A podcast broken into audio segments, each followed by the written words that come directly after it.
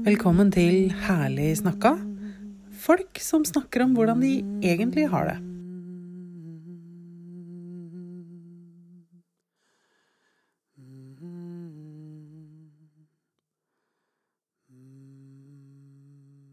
Um, hallo? Jeg hører ikke hva du sier. Jeg vet ikke om du kan sjekke i um, Hvis du peker på videobildet av deg sjøl, så er det i Zoom så er det en sånn knapp hvor det står 'unmute' eller 'unmute'. Hører du meg nå? Ja. Det er bra? ja. ja. Så fint! God dag. Mhm. God dag, god dag. God dag, god dag. Ja, se der, ja. Det, hørte, det blei faktisk bedre lyd bare av at uh, du hadde mikrofonen og ikke sitter med PC i rommet, for det har litt å si. Mm. Ja. Jeg gjemmer ba meg bak denne contraption her. Ja, så bra. Popfilter og greier. Det var ganske tidlig som jeg fant ut at å, de har de på komplett til 600 kroner. Jammen meg godt vi bestemte oss for å begynne litt tidligere, du. det er bra. Um, nå veit ikke jeg om du har tenkt på um, om det er noe du har sånn spesielt lyst til å snakke om? Mm, Det har jeg faktisk ikke tenkt over. Har ikke rekt å Nei. tenke noe særlig over det annet enn det vi prata om da vi møttes. Ja. Ja. Um, du er jo historisk, eh, fordi du er det første mannebeinet på podden. Oi, så kult. Ja. Det tar jeg som et kompliment. Hva er, hva er bedre enn en lillebror, liksom? Ikke da du er min lillebror, da, men du er jo lillebror til en av uh, the founding mothers. mm. Um, men um, ja Ja, vi kan, vi kan teste litt og se.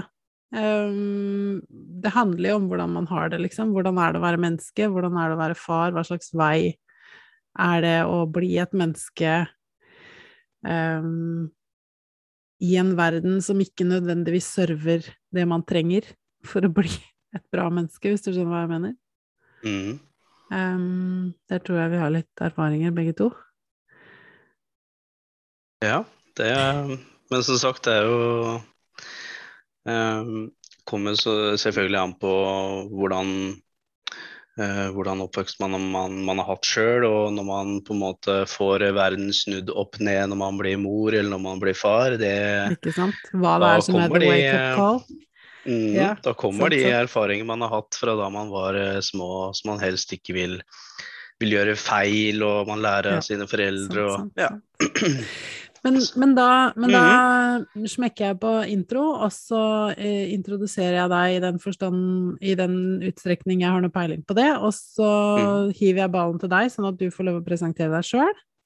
Så bra. Um, og så um, går vi over til hvordan vi egentlig har det. Mm. På et eller annet vi skal se om vi greier å få til det kleint eller elegant. Det vil vise seg. Da, det, er sånn, det er sånn Russian roulette. Nå skal vi spille kleint eller elegant. Ja. Ok. Velkommen til eh, Herlig snakka. Jeg heter Anita Christensen. Og i dag har jeg med meg Sindre Aasgaard, som er lillebroren til en av eh, de grunnleggende mødrene til det som var Magiske møter, og som nå heter Herlig snakka. Og som første representant for den mannlige befolkningen Du er representant, ta med deg det. Jeg tar Så meg. var det, ja, så var det jo passende å ha med seg en lille- lillebror.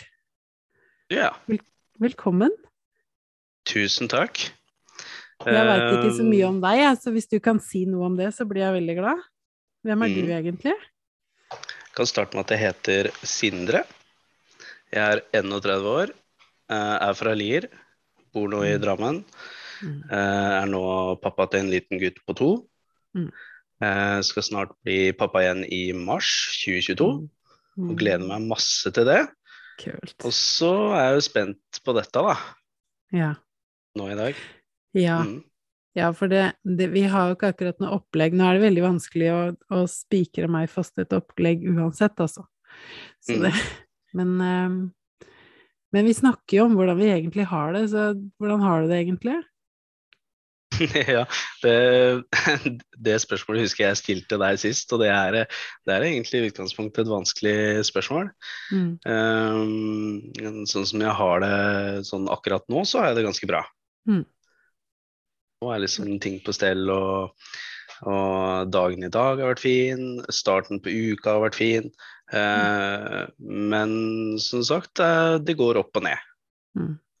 Man, har uh, man har sine utfordringer og, og, og, dager som ikke alltid går den veien man vil at det skal gå. Ja. Stressende dager på jobb, stressende dager hjemme, hente i barnehagen, det vanlige liv. Mm. Og så er det de vanlige utfordringene man, eh, man har, da, som eh, er personlige. Ja. Du tenker mm. bagasje? Ja, for eksempel. Ja, ikke sant. Ja. Det var i hvert fall det jeg hørte, så da var det vel sikkert det jeg tenkte på. mm, ja. jeg veit jo at du har hatt litt vei i livet. Mm. Eh, og, og, jeg syns det er spennende å legge merke til hva det er som gjør at folk um, kanskje ikke forandrer seg, men, men velger å gjøre livet på en annen måte enn de har gjort før. Mm. Har du lyst til å si noe om hva som motiverte deg til å snu, holdt jeg på å si, eller gjøre ting på en annen måte, gjøre andre valg? Um, Ut ifra på en måte hva jeg har gått gjennom livet, og når, um, når jeg mista på en måte mamma og pappa, mm. så tror jeg kroppen min gikk i en sånn eh, overlevelsesmodus, at nå må du bare klare, klare deg sjøl. Mm. Og så må du bare skape din egen eh, familie, gjøre det som er trygt for deg, og mm. gjøre det beste mm. ut av livet ditt. Og da, da, står jo på en måte ansvaret kun på deg. Du kan liksom ikke la Eller overlate det til noen andre, uansett. Nei. Nei, Så der sant, tror jeg bare at uh, der hadde jeg ikke noe valg. Klart det er vanskelig å miste noen, men uh, mm. det, er, det, er, dessverre sånn livet er. Og da må du bare stå på, jobbe hardt, skape din egen familie, prøve å gjøre det beste for deg og din familie. Så mm. ja, må du bare ta de utfordringene som kommer på Ja, bare ta det som det kommer. Gjøre så godt du kan. Mm-hmm. Ja. Mm. Det, det, høres det veldig enkelt ut, men ja. det er jo ikke det. Mm. Nei, nei, det er jo ikke det. Um, og, og, holdt jeg på å si, før jeg sier noe mer om det, så har jeg lyst til å observere For du er, du er den andre mannlige personen. Jeg kjenner masse jenter som har jobba med seg sjøl, det er liksom veldig vanlig. Men du er den andre mannlige personen jeg har observert over noe tid, som har um, utvikla liksom nye måter å gjøre det på i møte med sin egen familie. Mm. Um, det blei litt sånn oppstylta. Um, og, jeg, og, med deg, så Ut ifra det du sier, da, så hørte jeg at motivasjonen din kom før du på en måte stifta familie, sånn at det var Motivasjonen var å skape trygghet. Det andre personen jeg eh, sikter til, um, begynte å forandre måten han gjorde det på etter at han hadde familie. Mm. Men, men, jeg ser i begge dere en Ja, litt sånn den derre erkemannen, på en måte, da. For, for det, i denne boken eh, 'Menn er fra Mars og kvinner er fra Venus', så, så blir menn beskrevet, overforenkla selvfølgelig, 'to serve and protect'. Mm. Det er mm. liksom sånn typisk eh, Og jeg ser det veldig godt i min mann. Han, det, han har virkelig det som livsmotto. To serve and protect. Um, men det, det Jeg syns det er litt spennende å se hvor viktig den biten er for dere. Så i den grad det er viktig for deg, kan du si noe om på en måte hva du tenker når jeg sier det? Det som på en måte er viktig for meg, er å kunne stå opp hver dag og vite at jeg har noen å komme hjem til. Slipper å være alene, sjøl om jeg mm. trives veldig godt i eget selskap. Mm. Men jeg må ha noe å gå til, jeg må ha noe fast, jeg må ha en rutine. Jeg må føle meg trygg hjemme, jeg må føle meg trygg borte. Eh, Mm. og, og jeg tenker at hvis det, det er sånn at jeg ikke føler meg trygg, men da må jeg bare på en måte prøve å forlate det, da, for å si det Mm. veldig enkelt. Mm. Uh, eller prøve å skape en trygghet rundt det. Mm. Mm. Ja. Sånn retta til um, Retta til det med angst, f.eks. Ja. Det, å- det å skape trygghet tror jeg er, i hvert fall for meg, jeg vet ikke om det er for alle andre, men øh, det er altså nøk nøkkelordet, det er trygghet. Hvis Mm. du har den tryggheten du trenger, så slipper du deg greit unna den angsten, tenker jeg. Nå er det jo veldig forskjellige angsttyper, så jeg skal ikke si det som en sånn greie, men øh, ja. det var i hvert- hvert fall det som hjalp meg. Ja, ikke sant. Mm. Ja, og jeg har ikke veldig mye erfaring med angst.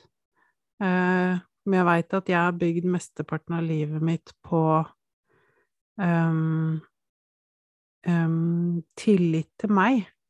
Mm. Så når jeg Og det har jeg merka også etter hvert som jeg har hatt uh, klienter og jobba med noen mennesker, at, at den det å, det å kunne lage det trygge rommet, da. Den tryggheten som du snakker om. Det å, det å erfare og erklære i og for seg også overfor seg sjøl at ok, men jeg er her. Mm. Jeg går ikke. Um, jeg står last og brast i meg sjæl, liksom. Jeg kjenner jo at jeg svikter meg, det gjør jeg jo stadig, jeg gjør det jo hver dag. Men jeg gir ikke opp, da. Jeg går ikke noe sted. Jeg er villig til å komme tilbake igjen og igjen, og det har vært en trygghet for meg. Uansett ja, hvordan verden har sett ut rundt, så har jeg alltid visst at jeg hadde meg. Men igjen, jeg har, jeg har hatt angst kanskje fire ganger i mitt liv eller noe. Så jeg kan Men ikke akkurat eh, kan, du, kan du fortelle hva du opplevde da, de gangene du har fått den, øh, det lille angstanfallet, eller hva jeg skal kalle det? mm, Hva skjedde med deg? Ja, det, det kan du si, for jeg, jeg har nok ikke greid å på, eh, eh, altså pinne den fast til noe, for å bruke en engelsk talemåte. Jeg har ikke, har ikke greid å finne ut hva det er.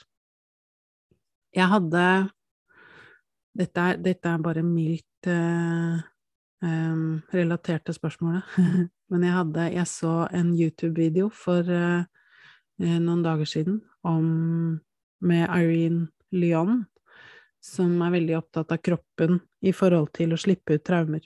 Eh, og det syns jeg var veldig spennende. Jeg så på hennes en og en halv time lange YouTube-video. Em, og jeg pleier ikke å holde ut så lenge. Så jeg, det fenga åpenbart. Men etter at jeg hadde sett på den, Mm. så begynte jeg plutselig å kjenne at jeg var nervøs.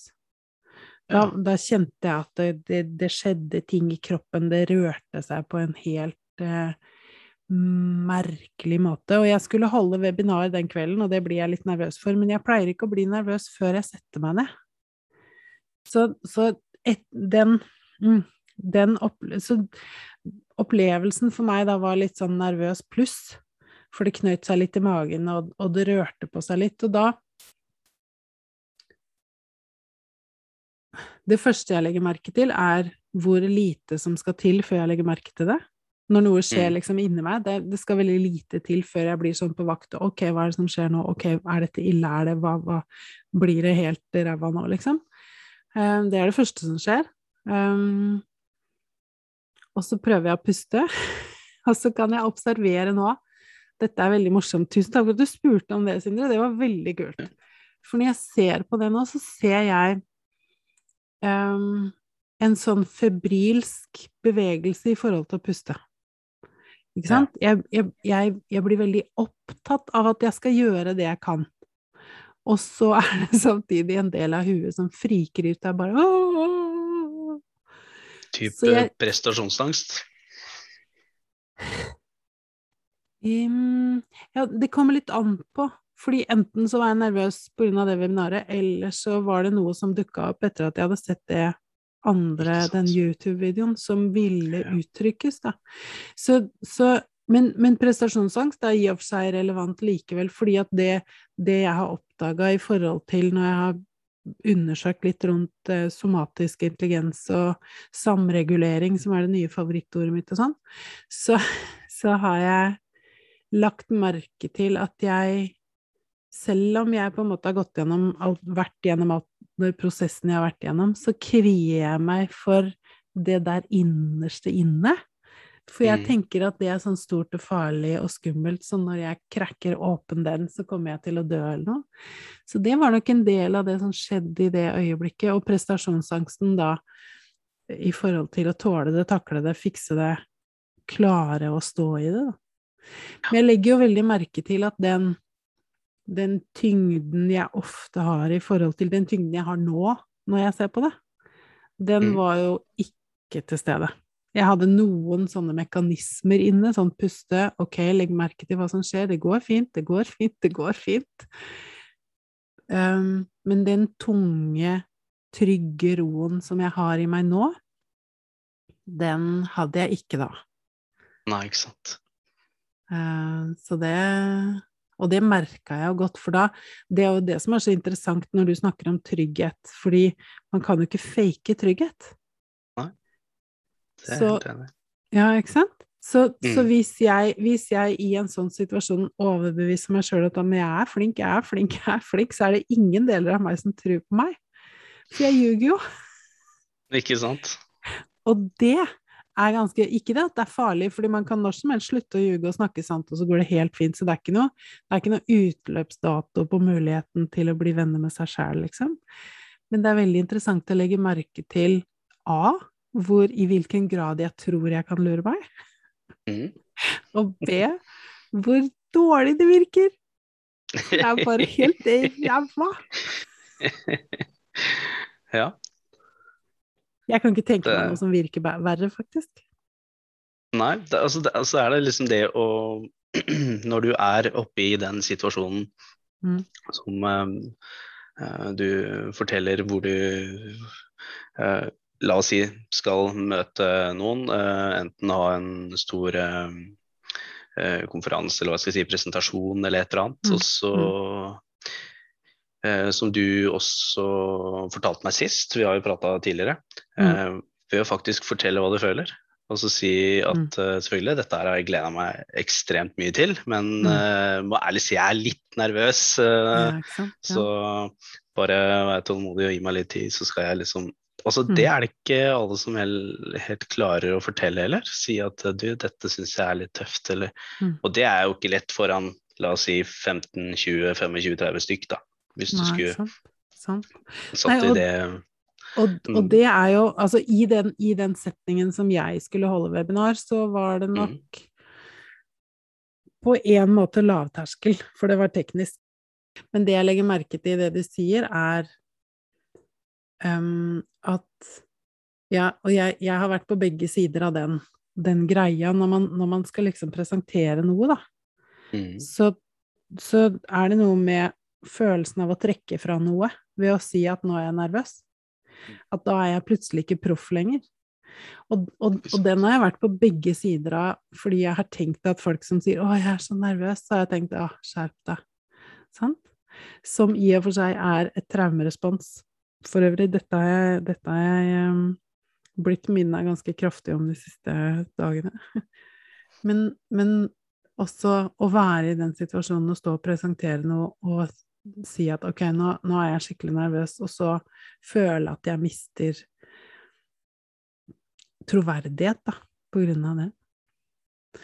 Og, og, det er veldig interessant fordi at i den samtalen som vi hadde, så, og egentlig i alle sammenhenger, så tenker jeg at det å si hvordan man føler, leder til det ordet jeg nevnte i stad, nemlig samregulering. Mm. Som handler om ja, og jeg skal ikke påstå at jeg kan hele greia rundt det, så jeg skal være litt forsiktig med hva jeg påstår.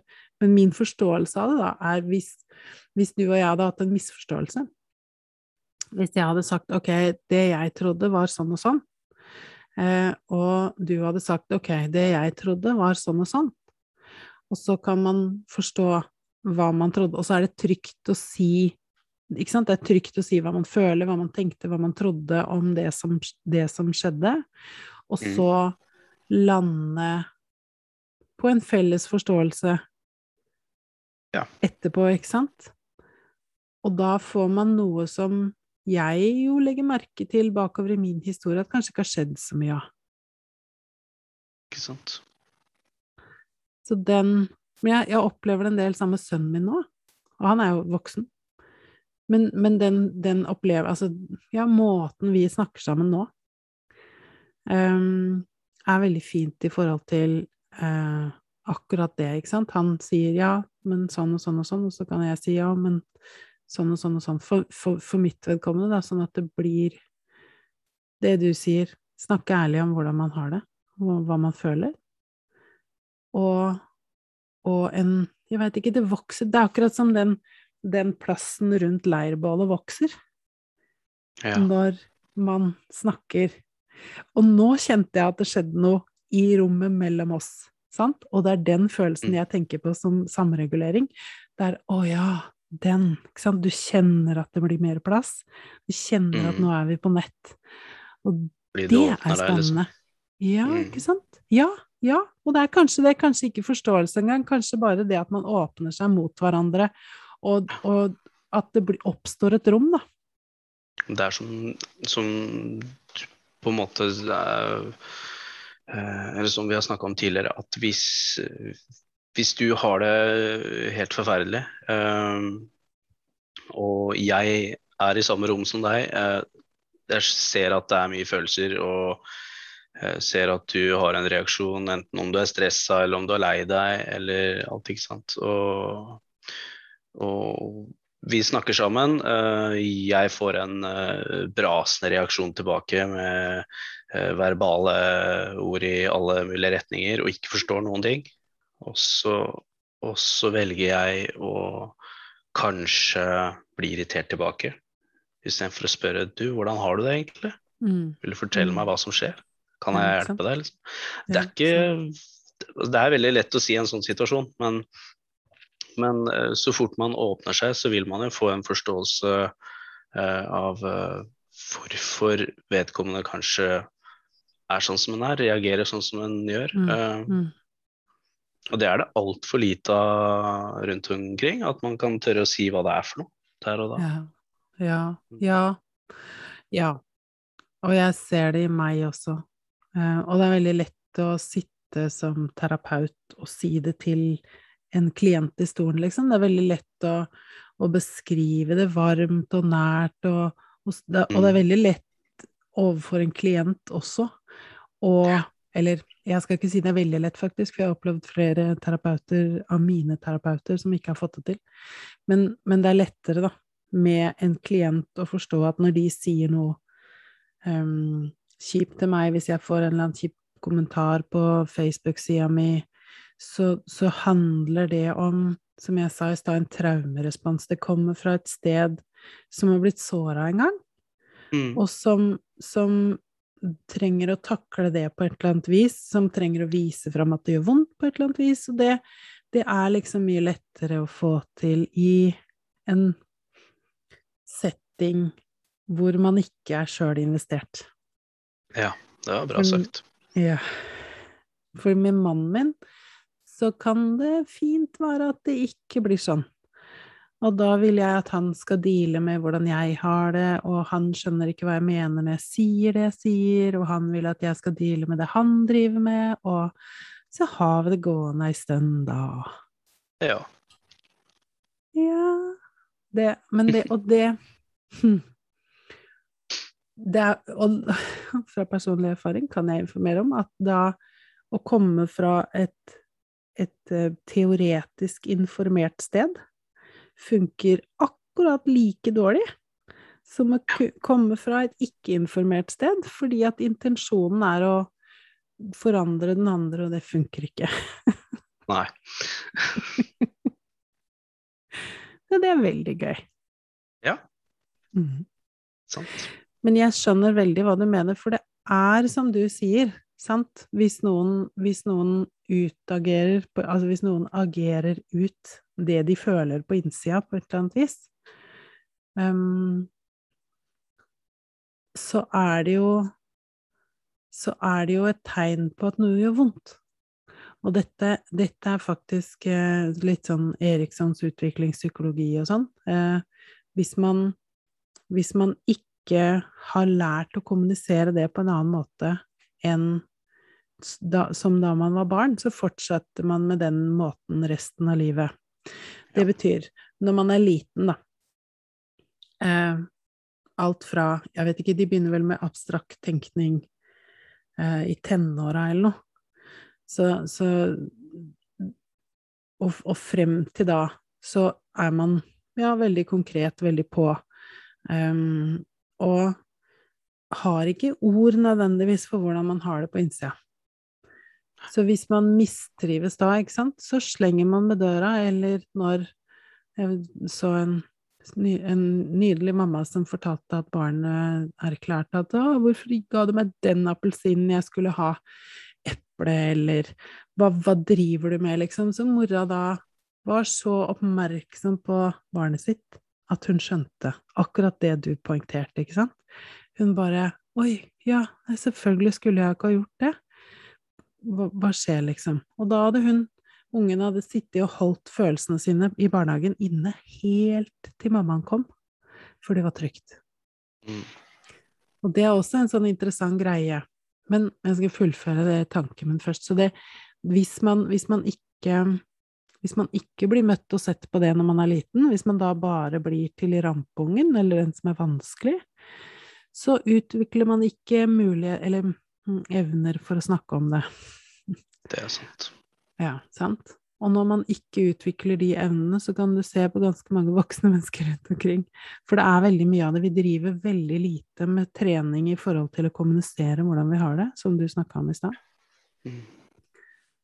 Um, og det er veldig synd, fordi, fordi det er så mye verdi å hente i den samtalen i forhold til um, ja, hvordan man har det. Eh, og så er det noe med at hvis vi føl, får lov til å føle det vi føler, så utvikler hjernen seg, sier Peter Levine. Um, må bare slenge inn et og annet navn her, sånn at, folk, sånn at jeg ikke måtte stå til ansvar for det jeg uttrykker meg. uh, og, og, og, det å være menneske som vi jo Altså, vi ser jo rundt oss hvor vanskelig folk syns det er å være menneske. Mm. Det tenker jeg det er en grunn til. Og da tror jeg det du snakker om er ekstremt viktig, nemlig å snakke om hvordan man har det. Og så er det hvordan jeg, jeg, ser, jeg, ser, reklame for en bok på Facebook nå av hvordan være en god lytter, eller um, Den gode lytteren, eller et eller annet sånt heter den. Jeg har ikke lest den, jeg har ikke noe, ikke noe annet forhold til den at jeg har sett tittelen. Fordi det å være en god lytter handler jo ofte om å ikke hjelpe til, men de fleste jeg snakker med om hvordan jeg har det, de vil gjøre sånn at jeg ikke har det sånn lenger. Ikke sant. De vil ta bort følelsen. Og det som skjer hvis vi tar bort følelsen, er at vi tar bort utviklingen. Mm. Vi tar bort muligheten til samregulering. Ja. Og så stopper alt sammen der, da. Ikke sant. Så og, og, det tror jeg handler om at vi ikke orker å stå i at det gjør vondt. Ja, man dytter det på en måte litt uh, vekk fra seg. Prøver å unngå det. Mm. Ja, eller prøver å fikse det. Ja. Ikke tenk på det, du, så blir det bra. Det er favoritten min. den, uh, den er litt tøff, ja. Og vi tror at vi er snille når vi sier det. Vi tror at vi ja, hjelper til.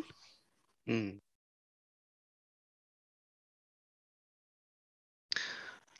Ja. Nei, den syns jeg var litt tøff. Mm. Han er litt, uh, litt, drøy, for å si det rett ut. mm.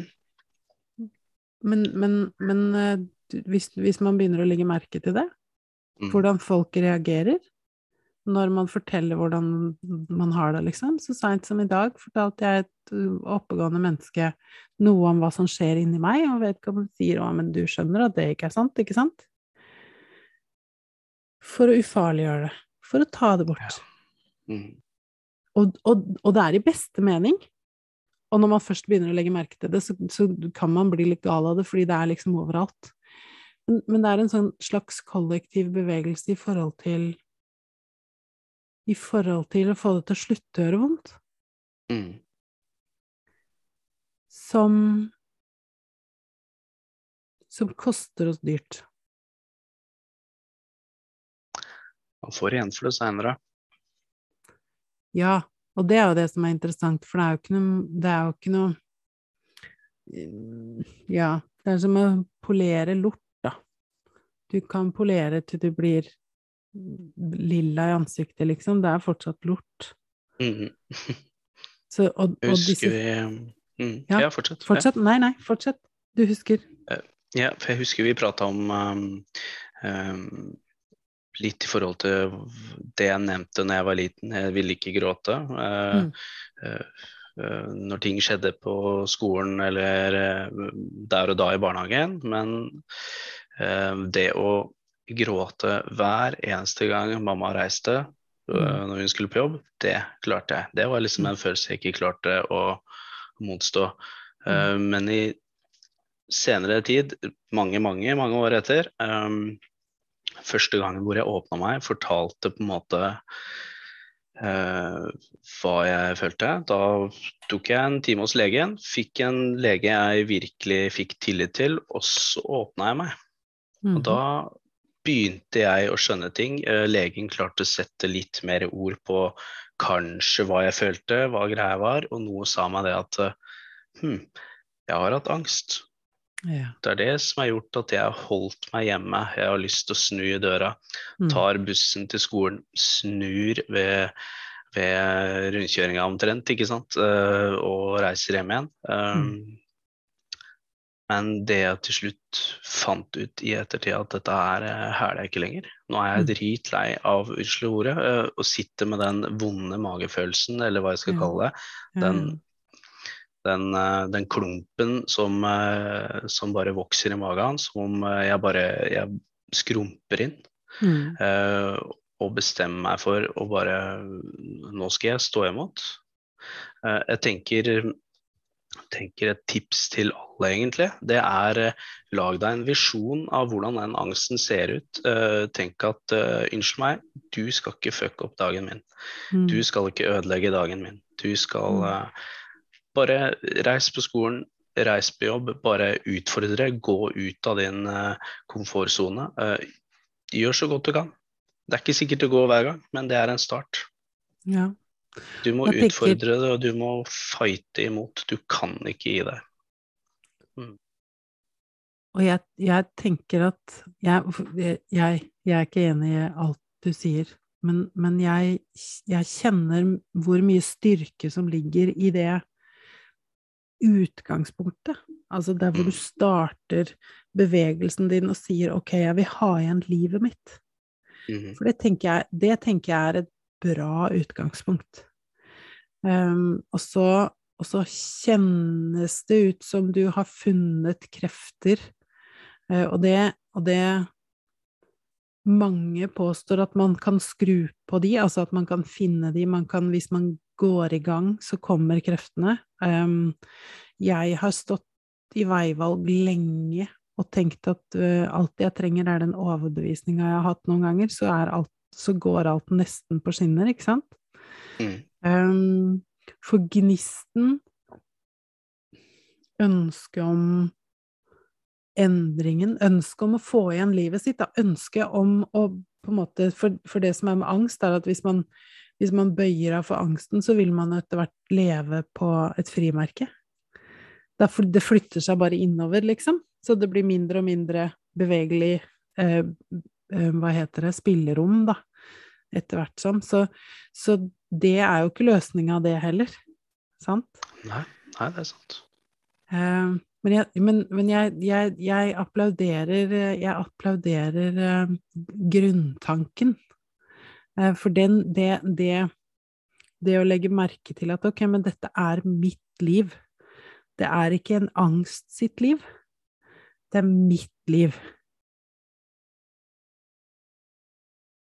Og det tenker jeg er et supert utgangspunkt for å finne en vei, og så, og så kanskje være litt åpen for hva som er veien videre. Du har bretta opp arma og bygd muskler, um, hvilket jeg har respekt for. Heia deg for det. Absolutt. Uh, dødsimponert over det du forteller i forhold til at du fant deg noen å prate med og bestemte deg for å bare åpne opp og fortelle alt. For det er tenker, eh, kort sagt, eh, det jeg forteller er jo litt basert på min historie, og Mm. alle, har jo, alle har jo sine utfordringer. mm, Og jeg tviler på at på måte det jeg har opplevd, og det verktøyet jeg har brukt for å hjelpe meg, vil hjelpe alle. Det har jeg en sterk Mm. tvil på. mm, Eh, Men som vi prata om første gangen, som du nevnte, og det å åpne seg, fortelle hva du føler, mm, ja, det tenker jeg i hvert fall er en veldig god start. ja. Mm. Ja, og, og, og jeg, jeg den, den første gnisten hvor du ser på det og oppdager at ok, vet du hva, dette er livet mitt. Dette er livet mitt, så jeg kan velge å gi bort livet mitt til den angsten. Eller jeg kan velge å begynne å tenke løsninger. Sant? Da, da, da, det tenker jeg, det, det, det, er, det er bra saker, og jeg tror kanskje ikke man Ja, jeg tror kanskje man, ikke man kommer utenom det øyeblikket, da. Hvor man må på en måte bestemme seg for. Men det kan noen Jeg har opplevd noen som går til det veikrysset en million ganger, Mm. og går hjem igjen. Um, sier 'å ja, ja, men ja, det skjønner jeg'. Og, og, og det er skikkelig urettferdig, og jeg vil ha livet mitt. Og så, og så er det som gjør vondt oppå så tungt, at det å tank, det, altså tanken på å klare å løfte det, er, er eh, for mange helt umulig. Og jeg skal ikke, jeg skal ikke si at jeg veit 100% noe, verken den ene eller den andre veien heller. Men jeg syns, jeg syns gnisten i det du sier, er så fin. Det må jeg bare si. Jeg syns det er dritkult. Ja.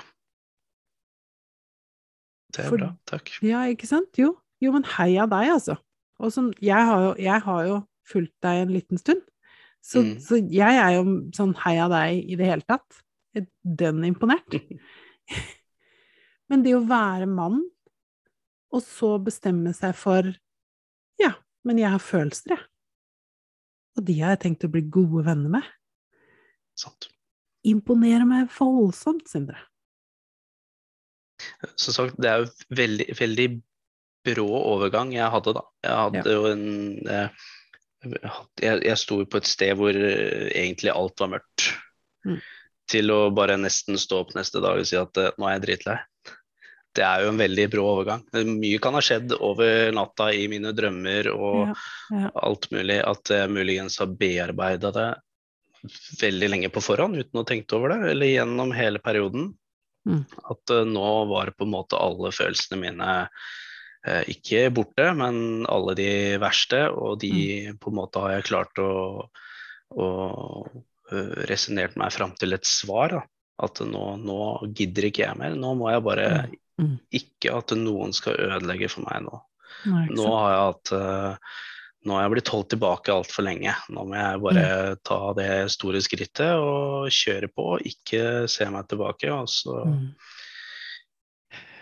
Ut av komfortsonen. Uh, bare overvinne den angsten og den uh, lille jævelen, for å si det rett ut, som prøver å holde meg igjen, som prøver å ødelegge livet mitt. Uh, prøv deg, du klarer det ikke. Ja. Og så er det lov å kjenne, kjenne litt på det en gang iblant, at nå er den der, men det er greit. Da sier jeg det til, til frua mi, eller eventuelt venninna, vennen jeg er med, at du, nå kjenner jeg litt på det, men det er greit. Mm. Ja. Og det, den åpenheten er jo faktisk helt genial. Jeg digger for øvrig Onkel P med styggen på ryggen. Det- Ja, han- den er bra, ass. Ja, Mm. han har gjort mye bra for folk som sliter. Fy søren. Det må jeg bare si. Det er eh, Ja, nei, det er, det er eh, en voldsom eh, bevegelse. Jeg var på Unleash the Power Within med Tony Robins 2005 og 2006, som er sammen med 9000 av mine beste venner. Nei da, det føles litt sånn når man er på en sånn voldsom NLP-konferanse, og så er det, er det, plutselig alle venner. Gikk på glødende kull og ja, dansa og hoppa og sto i noe alvorlig. Masse oppgaver, masse var Veldig kult opplegg. Men det største Det største tror jeg jeg fikk ut av den um, helga, som, som, som, i en parallell til det du akkurat fortalte, for jeg kjenner meg igjen i det du sier, um, det var at smerteterskelen min, eller ikke smerteterskelen, men min tålmodighet med å lide, den ble mye kortere. Ja. Plutselig tok det kortere tid fra jeg begynte å lide, til jeg tenkte nå må jeg gjøre noe annet. Ja, så det var på en måte verktøyet ditt for å løse det? Mm. Mm, ja. ja, fordi, fordi altså det, det, jeg kjenner igjen da, i det du forklarer, er fra meg, fra meg. Ikke sant? Nå tolker mm. jeg det du sier. Ja. Jeg har vært i situasjoner eh, mange ganger hvor jeg har sånn gradvis kjent at dette her syns jeg ikke var noe hyggelig. Ikke sant? Her, nå, Nei, det var ubehagelig. Ikke, ja. Mm. ja, ikke sant. Ubehagelig. Ja. Ubehaget er nøkkelen, nemlig. Fordi at ved ubehag over Altså en, en gitt mengde ubehag, så har sinnet det, den kapasiteten i seg at den sier ok, nå er jeg ferdig. Dette er for mye. Jeg gidder ikke mer. Nå må jeg gjøre det på en annen måte. Og det er den bryteren jeg opplever at du beskriver. For da har du kommet mm. til et brytningspunkt hvor systemet ditt sier ok, driter i hvordan dette har funka frem til nå, her er this is how we're gonna do it. Og mm. så er det annerledes, og det er et ja. veldig deilig sted. Jeg har vært der mange ganger i forhold til x-er, i forhold til y-er, i forhold til mat, i forhold til mange ting. Hvor jeg mm. kommer til et punkt det å ha lite penger, for eksempel, som har vært en sånn kjempegreie for meg, hvor jeg kommer til en punkt hvor jeg kjenner at jeg, jeg gidder ikke å slite med det lenger. Ok, greit, jeg har de pengene jeg har. Da må jeg gjøre de, de tingene jeg kan gjøre. Og så Jeg orker ikke å lide på grunn av det noe mer. Mm. Um, og det er et veldig spennende Og jeg, jeg, jeg Ja, Tony Robins klarte å skape en stemning over vet ikke, 45 minutter eller noe sånt, hvor vi sto oppreist og holdt på med et eller annet øvelse, da. Han kalte det Dickens. Um, etter, etter, den derre Scrooge-episoden den natta hvor han da plutselig ble et nytt menneske dagen etter. Mm. Um, fordi han faca oss med hva om du ikke forandrer på måten du gjør dette på? Vi skulle velge ett spesifikt område, Eh, mitt var jeg føler ikke at noe betyr noe, for jeg skal dø, og da kommer jeg til himmelen, eller tilbake til Gud, og da har ikke dette livet noe å si. Det er, det er ett født, jeg trenger ikke å streve nå, det går fint. Så det var liksom mm. ingenting betydde noe. Eh, og så gikk vi gjennom en lang prosess med hva det kosta. Ett år frem i tid. Se deg sjøl i speilet. Hva har du mista? Hvem er det du ikke har blitt kjent med? Hva er det du ikke har gjort? Hva er det du ikke har fått? Hvem er det som ikke er sammen med deg lenger? Fem mm. år frem i tid, ti år frem i tid, 30 år frem i tid, frem i tid. Og den smerten ble bare verre og verre, helt til det var bare sånn nei, ferdig. Og mm. etter det så har det tatt kortere tid for meg før jeg har kommet til det punktet hvor jeg tenker ok, greit, ferdig, orker vi ikke. Og det er en veldig morsom, eller veldig deilig mekanisme i systemet. Mm. For da får man veldig mye gratis, egentlig, selv om man jo da i og for seg har betalt for det i mange år, da. Så gratis er det jo ikke. det er en erfaring rikere, altså. Ja, ja, men jeg skjønner hva du mener. Ja. At når det nærmer seg hvor uh, kanskje ting du har opplevd tidligere, at uh, dit vil ikke jeg igjen, så vet du det at ja, men da, da, da stopper jeg før det går for langt. Ja. Mm at systemet har en innebygget sånn failsafe i seg. Mm. Sånn at den slår ut når det blir for mye. Ja. Noen ganger så besvimer man, noen ganger så, så øh, blir man katatonisk, og noen ganger så dissosierer man fullstendig, og noen ganger så bestemmer man seg bare for å gjøre alt annerledes. Ja. Så det jeg opplever at du beskriver, er den failsafen. At du kom til et Mm. punkt i livet ditt der nå er det så svart her, så nå er vi egentlig litt ferdig med det. Ja. mm. Det var det, det var det jeg prøvde å beskrive. Ja. Da, men da fikk jeg jo erfare at jeg ikke var klar nok og tydelig i det jeg beskrev, så det var jo fint. Det går bra, ellers så Ja, men det går fint. Da fikk jeg en grei forklaring på det, så det Ja, det er bra. mm. Mm. Ehm, tusen takk for at du hadde lyst til å prate litt med meg, Sindre. Det syns jeg var jeg, jeg liker spesielt godt at du snur bordet og spør meg. Det Mm. er ikke alle som gjør det, og jeg syns det er litt kult og, kult. Og du gjør det på en veldig rolig og god måte, og det syns jeg også er veldig kult. Tusen takk, og takk for at du har delt uh, dine historier og erfaringer. Det, jeg er sikker på at uh, mye av det du forteller, uh, hjelper mange der ute. Og så håper jeg også det jeg har fortalt, kanskje kan hjelpe noen der ute. Ja, sant. Så, du sier veldig mye interessant, og det er uh, lært mye allerede. Hvordan de forskjellige kroppene fungerer, hjernene fungerer. ja, ikke sant. Og sjæl, ass. Det er, eh, det er, du er en veldig behagelig samtalepartner. Takk, og i like måte. Takk for i dag. Takk for i dag, Anita.